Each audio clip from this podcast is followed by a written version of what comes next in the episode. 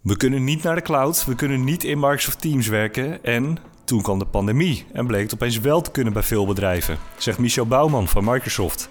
Inmiddels zijn de tijden weer veranderd en werken we niet meer uitsluitend digitaal samen. Dus hoe zorg je ervoor dat hybride werken en vergaderen echt gaat werken? Dat is de hoofdvraag die Michel dagelijks beantwoordt in presentaties op LinkedIn en in gesprekken met partners. In dit gesprek doet hij dat ook en we gaan dieper in op hoe werk aan zich verandert, helemaal met de komst van artificial intelligence. Na de komende 30 minuten ben je helemaal op de hoogte en geïnspireerd door Michel Bouwman als werkverbeteraar. Dat weet ik zeker. Ik wens je dan ook veel luisterplezier bij de werkverbeteraars van Scoritica. Michel Bouwman, van harte welkom bij de werkverbeteraars. Jij Dankjewel. uh, bent de werkverbeteraar voor vandaag. Ja. Ik zie dat je een mooie, mooie sweater aan hebt met Microsoft Teams uh, erop. Jij bent echt de ambassadeur, hè, als ik het een beetje zo zie. Ik hoef geen kleding meer te kopen. Nee. Nee, ik heb gewoon mijn, mijn Teams uh, sweaters en polo's en t-shirts. En ja. Michel draagt iedere dag hetzelfde. Nee, ik dacht iedere dag iets anders, maar het ziet er wel hetzelfde uit. Ja, ja precies. nou, ja, dat, dat, succesvolle mensen doen dat, hè? Is dat zo? Ja. Nou, oh, want Steve Jobs, Steve Jobs heeft ja. zijn, zijn polo, ja. Of wat is het? Dat is zijn turtleneck die turtleneck, altijd, ja, ja. altijd droeg. Ja. nou, dat belooft wat. Hey, uh, Michel, op jouw LinkedIn uh, in, je headline staat... Uh, Creating Teams, Fans and Ambassadors. Mm. Een mooie, mooie headline. Beter dan de meeste mensen hebben, denk ik. Uh, jij bent technical lead voor Microsoft Teams Rooms. Vertel even wat je doet. En dan zet ik gelijk de timer aan, want dan gaat de 30 minuten lopen. Oh, gaat hij nu al? Ja. ja, ja, ja. Nee, dus, uh, uh, dus de officiële titel is Partner Technical Strategist voor Teams Rooms. Dat moet iedereen meteen weer vergeten. Maar dat betekent dat wij als, als team eigenlijk kijken... hoe laten we hybride werken nou werken. En daar zijn we partners over aan het informeren... om partners, Microsoft partners weer te helpen... om dat verhaal aan Microsoft eindklanten te gaan, uh, te gaan vertellen. Dat doe ik voor EMEA. Dus mijn team kijkt naar 118 landen in de wereld. En het is mooi om al die verschillende culturen te zien ook die er zijn uh, in de wereld. En iedereen ja. gaat daar anders mee, uh, mee om. Zie je veel verschillen in hoe, dat, hoe de adoptie is van Microsoft Teams gebruik? Oh ja, wat dat gaat zijn wij reuze, reuze verwend hier in, in Nederland, maar ook in de Nordics. dus in, in Zweden, Denemarken. daar lopen we ver voor als het gaat om het gebruik van clouddiensten, maar ook zeker als het gaat om het gebruik van Teams. Dus wat dat er gaat, zitten we hier in Nederland wel in de sweet spot. Ja, maar je hebt ook over al die verschillende landen andere doelstellingen dan? Nee, dus de, de doelstellingen zijn meer, zijn meer all-up. Maar het is wel leuk om te zien hoe, hoe bijvoorbeeld uh, in Dubai wordt er nu heel veel geïnvesteerd in grote demoruimtes. En dat is mooi om te zien, want daar begint het dan net. Waar we in Nederland al een stuk verder zijn, zijn ze daar echt aan het bouwen. En als je ziet wat het enthousiasme daar is van mensen die in Dubai moet alles het grootste zijn. Hè? Dus mm. grote democenters uit de grond, ja. uit de grond stappen. Dat is tof om te zien. Dus je ziet in iedere regio, in die, in die EMEA-zone, zie je, ja, verschillende, verschillende fases waar mensen zitten. Dat is wel heel tof. En ook de verschillende culturen waar je daarmee te maken heeft, zijn, uh, dat, is echt, dat maakt de baan echt leuk. Ja, ja en, je, en je, het is niet de eerste keer dat je microfoon voor je neus hebt staan. Uh, je staat veel op, op podia om te spreken over, uh, ja, over waar je het over hebt. Yeah. 12.000 LinkedIn-volgers zag ik. Dat is, Zoiets, uh, dat, is, dat is ook niet mis. Wat, wat is nou de, de, de boodschap die je deelt met de mensen die je spreekt en die, die, waar, we, waar we het straks ook over gaan hebben? Mijn ding is altijd geweest: hoe kan ik zoveel mogelijk waarde toevoegen aan de mensen die de moeite nemen om u er, als we kijken naar LinkedIn post, om te kijken naar wat ik op LinkedIn post. Ja. En ik probeer ik zoveel mogelijk interactie aan te gaan. Dus ik weet nog toen, toen de pandemie net begon. En we gingen van maandag op dinsdag opeens massaal thuiswerken. En allemaal mensen die van tevoren zeiden... we kunnen niet naar de cloud of we kunnen niet in Teams werken... die moesten van dinsdag of woensdag best allemaal in Teams werken. Ja. Dus heb ik gezegd, weet je wat, we gooien de agenda open... en iedereen die hulp nodig heeft, die gaan we hulp bieden. En daar ja, steeds meer de interactie op zoeken. Als jij de moeite neemt om te reageren op iets wat ik op een social media platform post... Ja, dat is voor mij een kleine moeite om dan terug te reageren op datgene wat je zegt. En dan zal je zien dat je redelijk snel netwerk bouwt. Mijn ding is altijd, hoe kan ik zoveel mogelijk waarde bieden aan degene die de moeite neemt om, of zoals in dit geval, naar mij te luisteren... of naar mij te komen kijken op een evenement of naar een social media post te kijken. Het gaat niet, gaat niet om mij. Dus als je mij op een podium ziet, zal de content misschien hetzelfde zijn... maar het verhaal is altijd anders. Omdat ik altijd kijk, wie, is nou, wie zit er nou voor me... En hoe kan ik zoveel mogelijk waarde toevoegen aan jou of aan de mensen die nu luisteren? Ja, en dat klinkt heel mooi. Maar als we het hebben over waarde, wat is dan zeg maar een beetje de overkoepelende paraplu? Wat, wat voor waarde wil je geven aan de mensen met wie jij praat? Dus ik zie, ik zie wat de impact kan zijn van technologie. Ja, en ik zeg altijd, uh, technologie verrijkt menselijke vindingrijkheid. Maar het zijn mensen die het echt een verschil maken binnen de organisatie. En ik zie, omdat ik redelijk verwend ben door de organisatie waar ik voor werk, hoe uh, technologie mij productiever kan maken. Waardoor ik meer tijd kan maken die dingen die voor mij echt belangrijk zijn. Ja, want buiten het werk ben ik ook gewoon man, ik ben vader en ik ben echtgenoot. Ja. Ja, dus ik, ik zie hoe technologie mij helpt om meer tijd in die elementen te steken. En dat gun ik iedereen. Dat klinkt een beetje afgeslagen, maar dat gun ik iedereen ook. Dus als ik iets zie waarvan ik denk, oh wacht even. Daardoor kan je slimmer, sneller, beter, effectiever werken, vergaderen, whatever. Dan is dat, is dat iets wat ik graag met je deel. En als jij zegt, ja, maar ik stoei op dit vlak, of hey, ik zie dat gebeuren, of er is dit in mijn organisatie. Ja, als er iets in mijn kennisbank zit wat ik kan delen met jou om ervoor te zorgen dat dat, dat, dat, dat probleem gaat opgelost gaat worden, of dat we naar een oplossing toe werken. Ja, waarom zou ik dat niet doen? Waarom zou ik egoïstisch zijn met de kennis die ik, die ik op heb mogen doen in de afgelopen tien jaar bij Microsoft? Uh, nee, laat me zoveel mogelijk van die kennis met je delen. Mooi. Mooie, mooie insteek. Dankjewel. Ja. Hey, en um, het uitgangspunt is wel wat er dan op, jou, uh, op, je, op je kleding staat. Op, Ja. op jouw volledige kledingkast heb ik net begrepen. Ja. Microsoft Teams. Dus het vertrekpunt is wel uh, de techniek dan. Het vertrekpunt is de techniek, maar het is, wat ik zeg, techniek blijft altijd ondergeschikt. Dus als jij zegt, hé, hey, we hebben binnen de organisatie echt een vergadercultuur. En we besteden iedere, iedere vergadering duurt bij ons een uur. Dan denk ik, dat is eigenlijk zonde van je tijd. Jij weet het, die, een afspraak die jij in mijn agenda hebt ingeschoten, was 25 minuten. Ja, Ja, dus ter dat- voorbereiding op dit gesprek. ter voorbereiding op dit gesprek. En, en, en je hebt gezien dat 25 minuten voldoende is. Zeker. Ja, waarom zou ik dat concept niet met andere mensen delen om te laten zien dat je niet in die vergadercultuur hoeft te blijven zitten van iedere keer maar een uur? Dus het is echt kijken wat speelt er in je organisatie of wat speelt er bij jou als persoon. En wat heb ik dan gemerkt in het voorrecht wat ik heb van al die kennis die ik tot me heb kunnen nemen. En hoe kan ik dat zo goed mogelijk met jou delen? Dus ja, technologie is onderdeel van de oplossing. Maar het begint en eindigt eigenlijk altijd met de mens. Ja. En is, is, is het echt zo bazaal als dat, dat, je, dat je vragen krijgt van ja, er wordt vaak vergaderd eh, in blokken van een uur. Kan het niet anders? Veel mensen zijn onbewust onbekwaam. En ik denk dat dat heel goed is. Je, als je advocaat bent, dan moet je advocaat zijn. En moet je niet met technologie bezig zijn. Ja. Als jij bakker bent, dan hou je je bezig met brood bakken en met allerlei lekkers maken. En hou je je niet bezig met technologie. In de wereld waar wij in werken, zien we wat technologie voor ons kan doen. En hoe technologie ook die advocaat kan helpen om niet heel veel tijd aan administratie te besteden. Of heel veel tijd aan e-mail of heel veel tijd in vergaderingen te besteden. En als we die kennis over kunnen dragen. Mensen besteden meer dan acht uur per week aan e-mail verwerken. Ja. Ik weet niet of het bij jou in je functieomschrijving staat, maar als ik in mijn functieomschrijving sta, staat daar niet e-mail verwerken. En toch besteden we daar meer dan acht uur per dag, per week besteden we eraan. Hetzelfde met vergaderingen. We besteden bijna een volle werkdag aan alleen maar vergaderen. Dat is zonde, man. Ja, dus als we die kennis over kunnen dragen om je, om je te helpen om, dat, om, om daar effectiever in te zijn, dan kan die advocaat weer veel meer advocaat zijn. Of diegene die in het ziekenhuis werkt, kan veel meer zijn of haar rol vervullen die ze in het ziekenhuis hebben. Ja, dus het is ook nog eens heel belangrijk dat je anders, anders naar dat soort zaken gaat kijken. Nee, ik denk dat we weer dat we, dat we binnen het werk wat je doet, heb je een functie. Ja. En binnen die functie heb je bepaalde KPI's. En je gebruikt technologie om die KPI's in te vullen. Maar als je niet weet hoe je de technologie moet gebruiken, ga je meer tijd erover doen om die KPI's in te vullen. Ja, dus de truc is hoe kun je nou technologie gebruiken om dat voor jezelf makkelijker te maken. Ja. De spijker op zijn kop eh, wat dat betreft.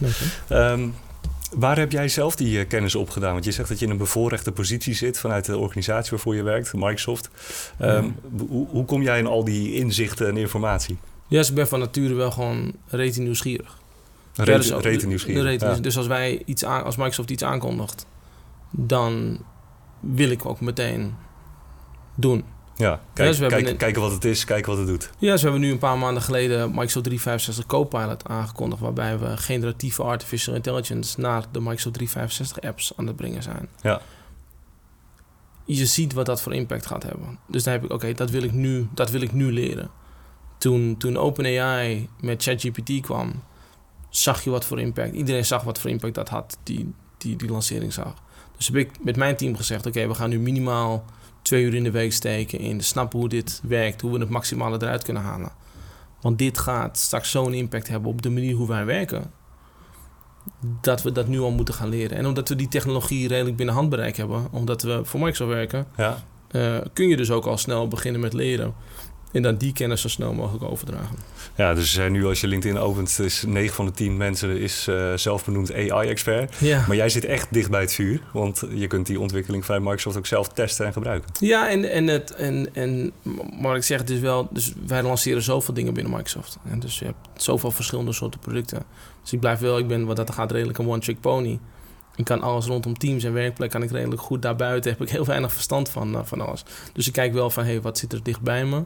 Wat vind ik dan interessant en waar ga ik dan mee aan de slag? Uh, om te, zelf te leren hoe het werkt. Kijken wat voor impact het op mij heeft. En die verhalen delen met andere mensen. Ja, dus even een kleine, kleine side note alvast. Uh, volg jou ook even op LinkedIn hè, als je dit hoort. Ja, dat is altijd goed. Ja. ja, dat is altijd goed. Hey, uh, ik heb boven, boven, de, boven op mijn papiertje heb ik, heb ik staan next level samenwerken. Ja, okay. dat een beetje de lading van, jou, uh, van jouw verhaal? Ja, um, ja, ik denk het wel. Ik denk het wel. Ik denk dat we, dat we nog steeds, dat zie je ook in de onderzoeken, heel veel mensen stoeien nog steeds met hybride werken laten werken met name hybride vergaderingen laten werken. Uh, uit onderzoek blijkt dat in twee van de drie vergaderingen in Nederland er minimaal één virtuele deelnemer of deelnemster is.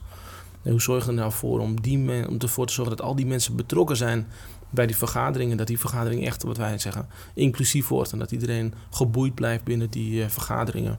Nou, dat zijn wel dingen die we proberen op te lossen. En waar zit het struggle dan?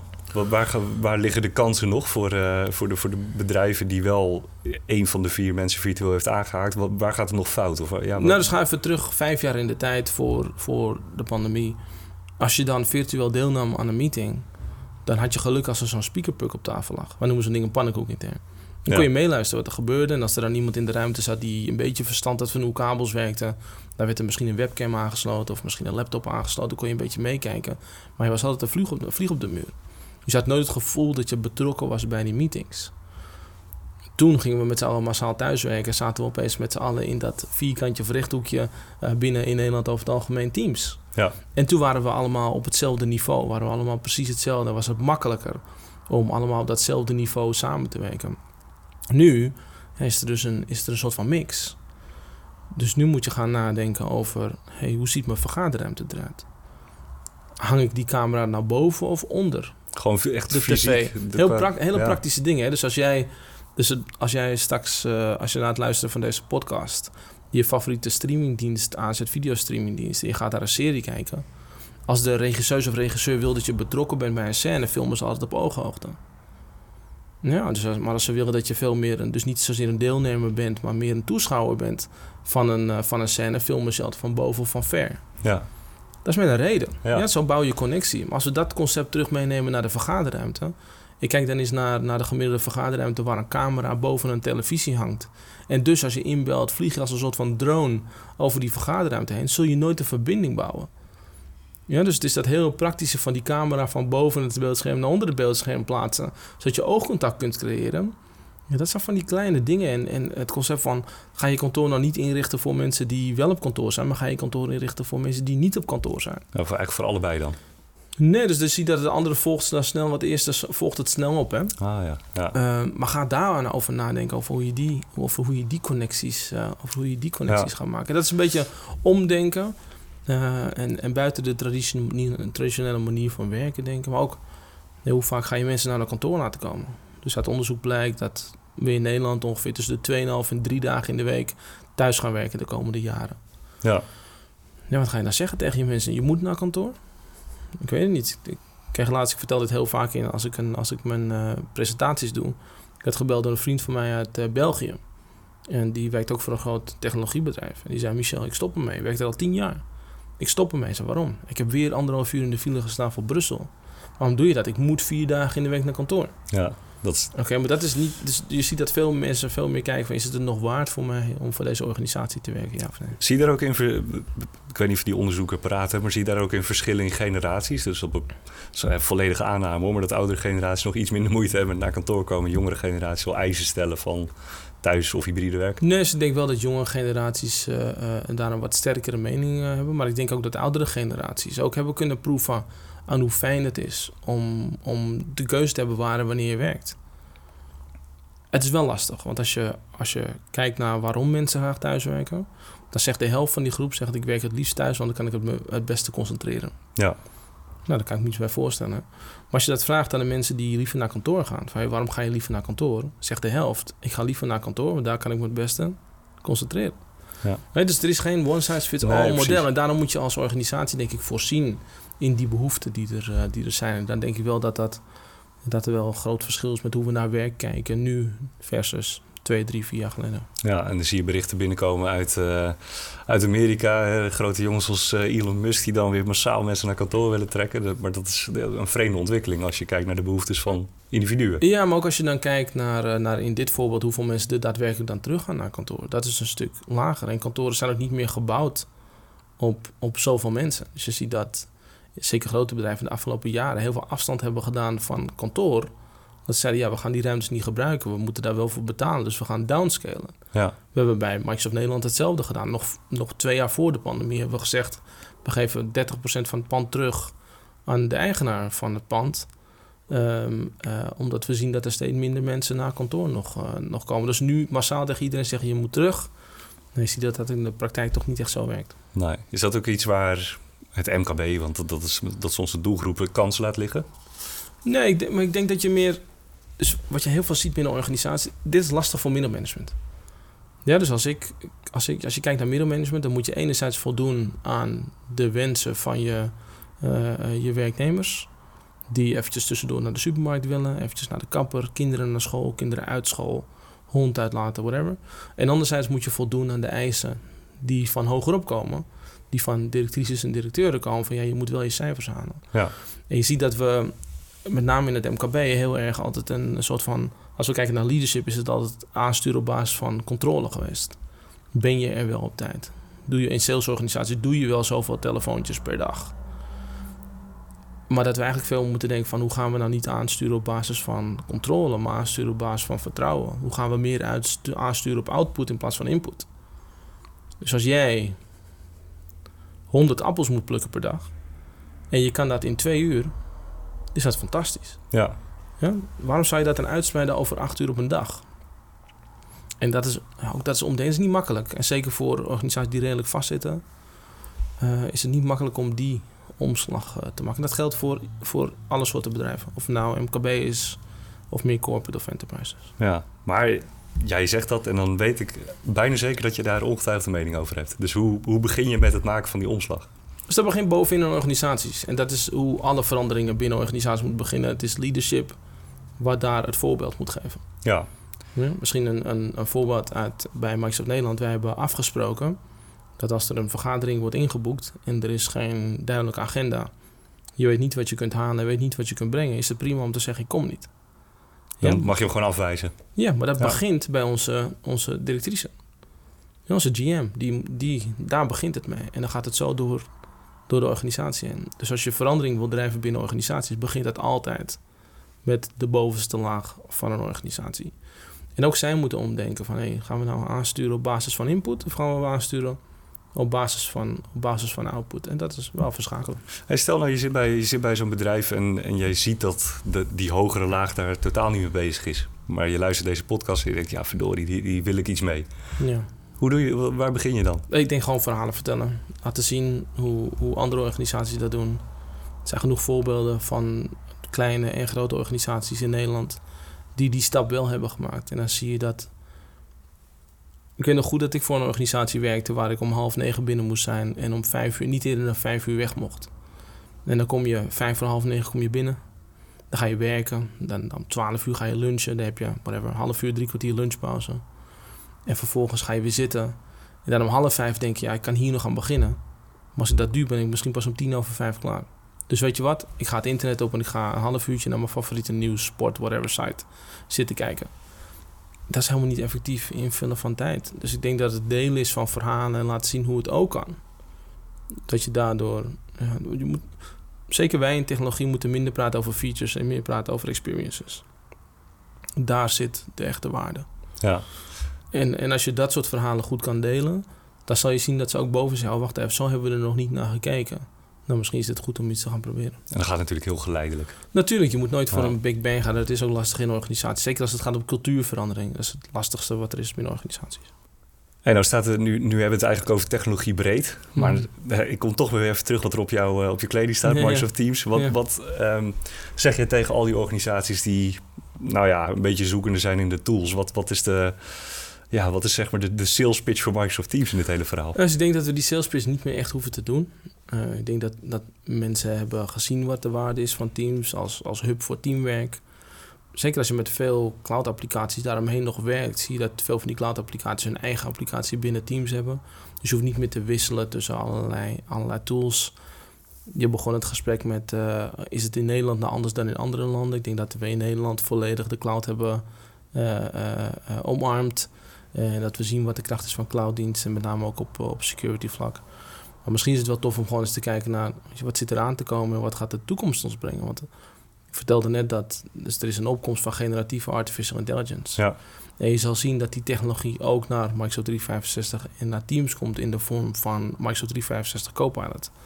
En wat dat is, is het is, het is een large language model. Dus het is een model wat OpenAI heeft gebouwd met GPT in Azure, dus in de Microsoft Cloud. Wat betekent dat al je security en, en privacy en compliance regels die je hebt binnen je organisatie, dat die automatisch meegaan. Gecombineerd met de Microsoft Graph. En ik ga vooral niet te technisch worden, maar dat is de datalaag onder, ehm, onder alles wat de Microsoft tools eh, hebben.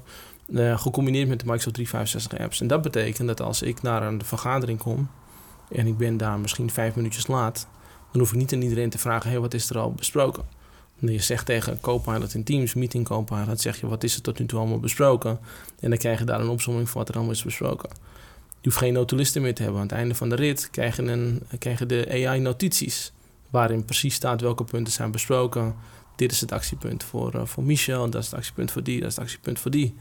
En je kunt allerlei vragen stellen over wat er in die meeting is, uh, is gebeurd. Als ik uh, straks in de auto stap en ik kijk naar onze teamchat binnen Teams, ga vooral overigens geen um, uh, persoonlijke apps gebruiken voor je groepchat binnen een organisatie. Mm-hmm. Even los omdat het een security issue is, denk ik ook dat het een, een, uh, een, een mental health ding is. Als, als medewerker wil je na werktijd wil je af kunnen sluiten. Ja. Maar nog wel steeds die leuke berichtjes van je vrienden hebben. Dan moet niet af en toe een berichtje van een collega tussen zitten.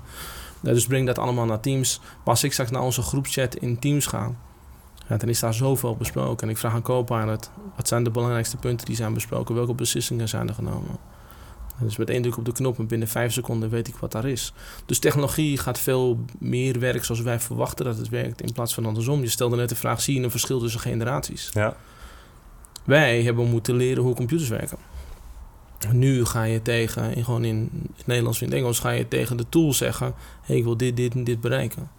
En dan zal die tool met een oplossing, uh, oplossing komen. Dat kan, dus je wordt nu beter met data in Excel. Want je kan in Excel vragen aan Copilot... hey, wat valt je op in deze data? Ja. Of je kan tegen PowerPoint zeggen... hey, op basis van de meeting die we net hebben gehad... en deze data in Excel... maak twee professionele PowerPoint slides voor me. En binnen 10 seconden heb je die PowerPoint slides. Het wordt, het wordt eigenlijk een beetje dat gewone mensen... echt kaas kunnen maken van data... en dat soort dingen met behulp van AI, toch? Ja, maar, maar vooral dus... Dus je kunt nu al big data programmeren. Maar 99% van de mensen, zeker in de MKB, heeft geen idee hoe ze dat moeten doen. Nu vraag je gewoon letterlijk in het Nederlands: hey, wat valt je op in deze data? Enter. Ja. En krijg je een uitkomst. Dus we gaan nu in een normaal, hoe we normaal communiceren. En daarmee ga je nu oplossingen uit die tools krijgen. Dus volgens mij is de statistiek, nou, ik weet niet precies, maar, maar een heel klein percentage van alle features die in de Microsoft 365 apps en ook in Teams zitten, die wordt maar gebruikt ja. door klanten. Ja. En nu opeens ga je alles eruit halen wat erin zit. Um, alleen door simpelweg vragen te stellen aan de tool. Ja, en nu, nu is het wel een beetje zo dat AI is toch nog wel een beetje een buzzword. Hè? Iedereen springt erop en uh, ja. Um, ja, elke dag in het nieuws gaat wel een keertje over iets met ChatGPT of OpenAI of mm-hmm. AI aan zich. Um, Jij zei tegen mij ter voorbereiding op dit gesprek... dit is niet iets van over vijf of tien jaar. Ook al nee. voelt het soms een beetje als een science fiction film die werkelijkheid wordt. Ja. Het is iets van de komende maanden. Ja, misschien zes, negen, misschien twaalf, geen idee. Maar, maar niet zo lang meer. Omdat die, die modellen zijn, al, zijn er al. Je hebt dan het voorrecht om al een beetje ermee te mogen spelen. Om te ja, kijken hoe goed het dan, hoe, hoe, goed het dan werkt. Hoe goed is het? jij zit, nee, dus, zit er ja, dichtbij. Wij van WC het adviseren altijd ja, WC dat, dat weet ik, maar... Maar als ik... Dus nog een voorbeeld. Open, ik open straks Outlook. Even terug naar die 8,5 dag die we per dag spenderen aan e-mail. Dus ik open straks Outlook. Daar zit een e-mail in. En daar zitten nog vijf e-mails onder. Als je die door moet lezen, kost je vijf minuten. Zeg drie minuten, whatever. Ja. Kost je drie minuten. Nu zeg ik tegen Copilot, maak een opsomming. En ik krijg binnen vijf, zes seconden... krijg ik vier regels waar precies in staat... dit is waar het over gaat, dit heeft die persoon gezegd... dit heeft die persoon gezegd, dit is jouw actiepunt. Dus dat is al... dat bespaart me al zoveel tijd...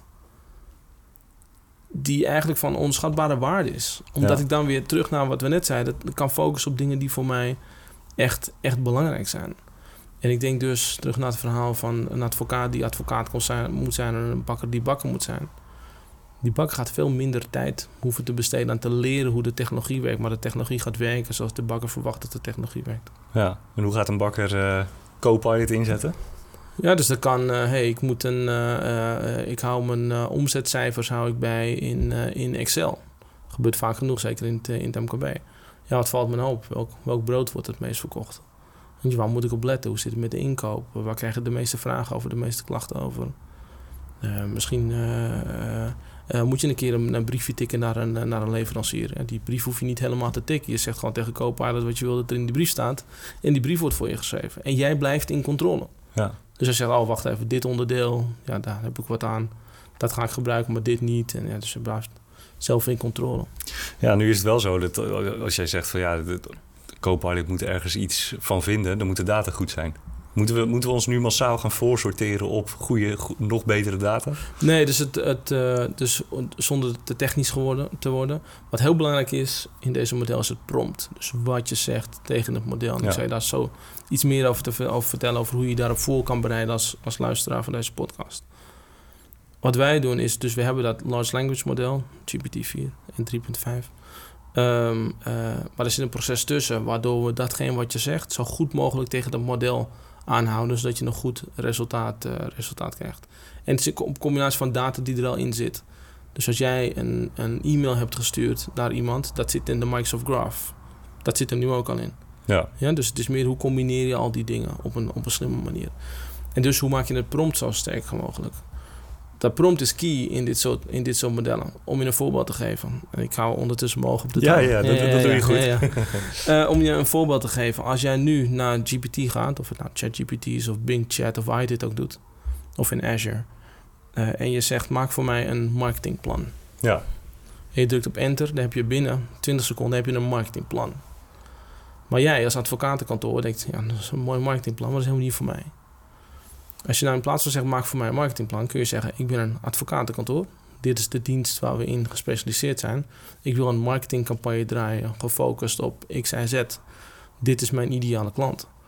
En voordat je me een antwoord geeft, stel me eerst vragen. Dan zal het model je vijf, zes vragen geven die je gaat beantwoorden. Wat is je doelgroep, whatever. Iets wat je niet hebt beantwoord nog in dat eerste stuk tekst. ja. Vervolgens beantwoord je die en dan druk je op enter. En dan zal je zien dat je een antwoord krijgt wat echt past bij het advocatenkantoor. Dat is het verschil in de juiste prompt. Dus mensen die zeggen van... hé, hey, wacht even, ik zie ook dat dit snel gaat gebeuren. eh, of voor mij aannemen dat het snel gaat gebeuren. Mhm. Ehm, kan ik adviseren om gewoon eens te gaan kijken naar, naar... en het heet Advanced Prompt Engineering. En dat klinkt heel technisch. Maar het is simpelweg snappen hoe je het beste die prompts kunt schrijven. Dus ga nu naar YouTube en zoek op YouTube op Advanced Prompt Engineering. En dan krijg je daar honderden filmpjes die in vijf minuten uitleggen hoe je dat het beste kunt doen. Ja. En ga daar nou eens 1, 2 uur mee testen en proberen. En dan zal je zien dat je een giga voorsprong hebt op iedereen die straks deze technologie massaal in handen krijgt. Ja, dus waar de een nog invoert, ik wil een marketingplan, die krijgt een generiek marketingplan, is de ander even net een stapje verder, doordat je gewoon weet welke vraag je goed moet stellen. Ja, precies. En dan Ja. marketingplan wat eruit komt. Daarbij kun je zeggen, oké, wacht even, dan ga ik, eh, dit stuk haal ik inderdaad eruit. Oh, wacht even, daar had ik nog niet aan gedacht. Dus dat haal ik eruit. En dit hou ik van mezelf erin, want ik weet dat dat goed werkt. Ja. Dus je blijft, je blijft altijd in controle. Mooi. Ja, jij ziet net zoals ik dat de timer uh, hard aan het aflopen is. Um, dus ik wil eigenlijk eindigen... Een soort van onrustig van ook, merk ik. Onrustig? Ja, je zit een beetje te schuiven op je stoel. Ja, Dat is niet de bedoeling. Ik kan hem ook even aan de kant leggen. nee, nee, nee, maar je hebt, uh, je hebt nog even de tijd om de, de laatste vraag te beantwoorden. Um, we, hebben, we hebben het niet heel erg gehad over... Nou, uh, je, je hebt Microsoft Teams, hybride vergaderen. Hoe richt je nou letterlijk je vergaderruimte echt het allerbeste in? We hebben wel dingen benoemd. Um, maar ik ben toch even benieuwd, als jij nou drie praktische stappen moet geven. We hebben het wel gehad over next level samenwerken, hybride vergaderen, de mm. rol die AI speelt. Wat zijn nou drie dingen waar je even mee aan de slag moet? Let's go. Dus stap 1 is um, kijk naar de vergaderruimte zelf. Ja. Kijk of je je standaard tafel, dus je rechthoekige tafel, of je die kan vervangen voor een tafel in de vorm van een plektrum. We hebben het over kleine, medium vergaderruimtes. Ja, 6 tot 8 mensen. Plektrum is zo gitaar. Zo'n ding waar je gitaar mee speelt, ja. Um, dat zorgt ervoor dat iedereen elkaar aan, kunt, aan kan kijken. Dus of je nou aan tafel zit of dat je virtueel deelneemt. Ga dan kijken naar de technologie. Hang die camera niet boven je display, maar hang hem eronder. Ga niet met een standaard USB-camera uh, aan de slag... die je moet inpluggen in je laptop. We weten allemaal hoe dat gaat. Je komt binnen als gebruiker, ligt zo'n trosje kabels ligt er op tafel. Niemand wil zijn laptop daarin prikken.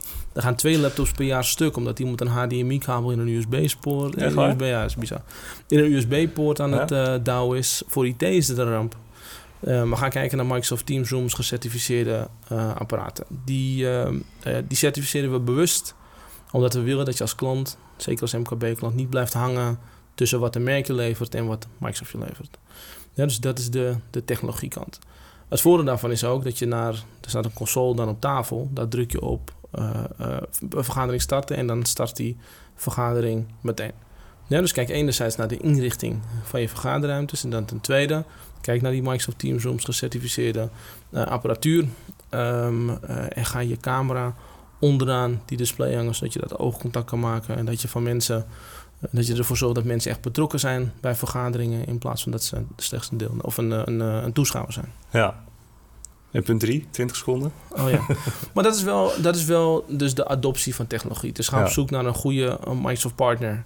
En ga die Microsoft partner je laten informeren. Je niet laten ontzorgen, maar je laten verrassen over wat er kan op technologiegebied. Als advocaat moet je advocaat zijn.